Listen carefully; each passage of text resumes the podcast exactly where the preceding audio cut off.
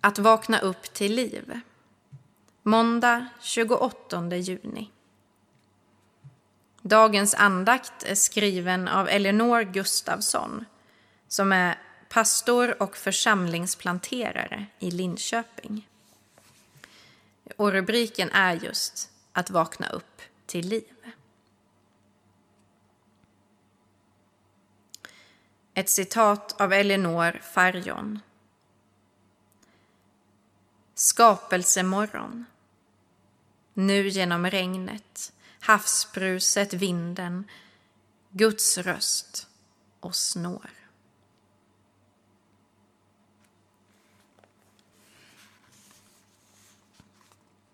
Elinor? Elinor?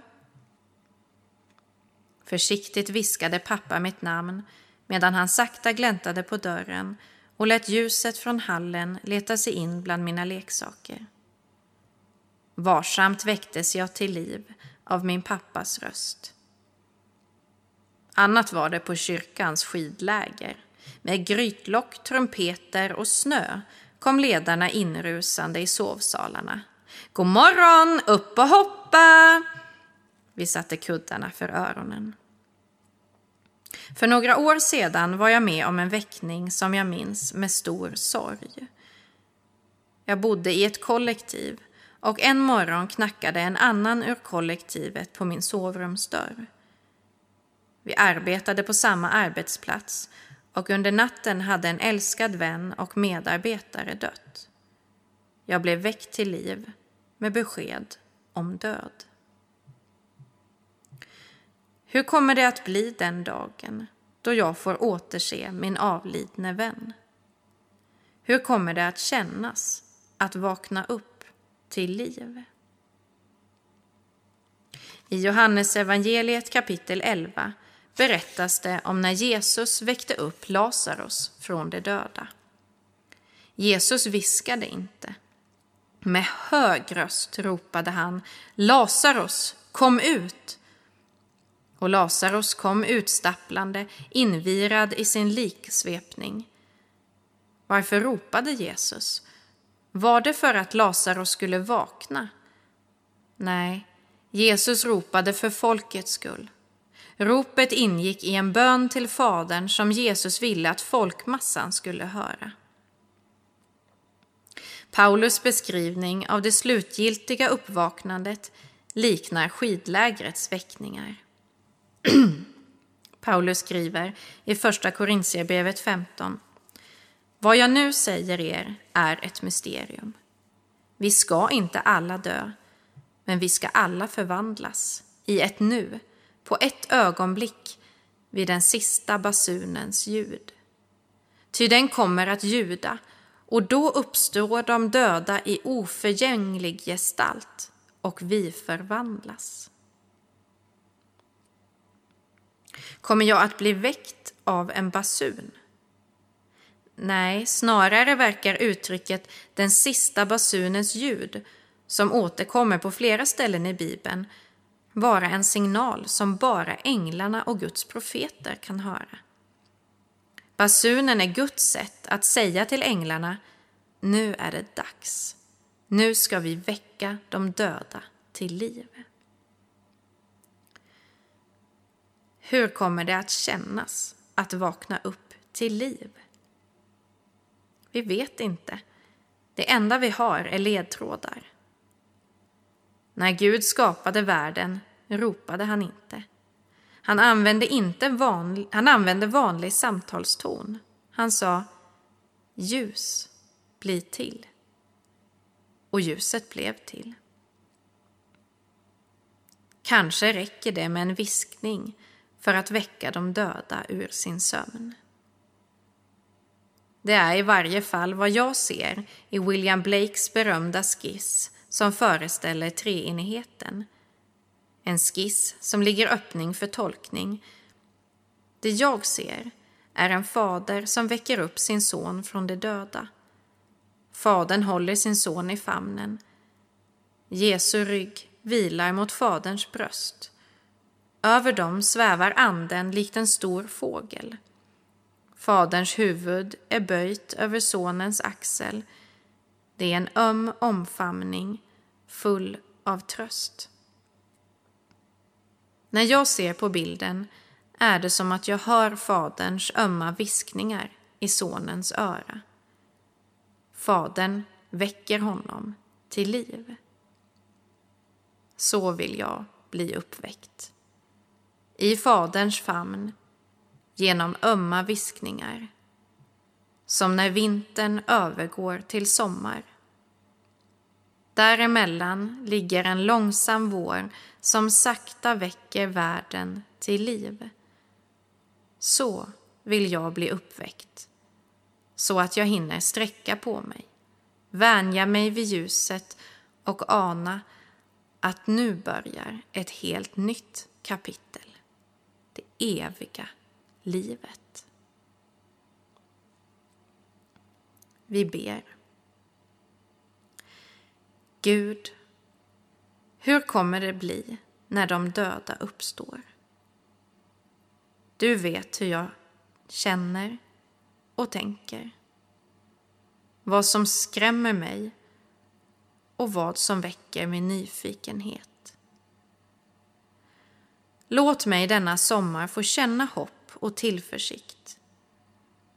Hjälp mig att överlåta mig själv i dina händer, i din famn. Tack för att du vill väcka upp mig till liv varje dag. Amen.